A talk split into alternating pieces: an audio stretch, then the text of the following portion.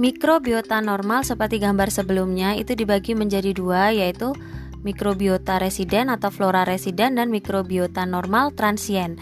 Jadi yang disebut dengan residen itu berarti mikroorganisme yang sudah ada, tetap ada di area tertentu.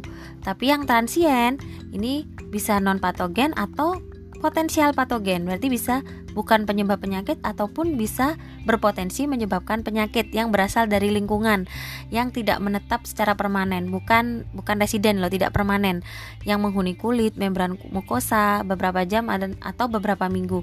Flora transien ini misalkan tidak sengaja makan makanan yang ter, ada bakteri Salmonella typhi tapi tidak sakit karena ternyata uh, ususnya bisa untuk mengusir bakteri Salmonella typhi dengan bantuan flora normal yang ada di usus.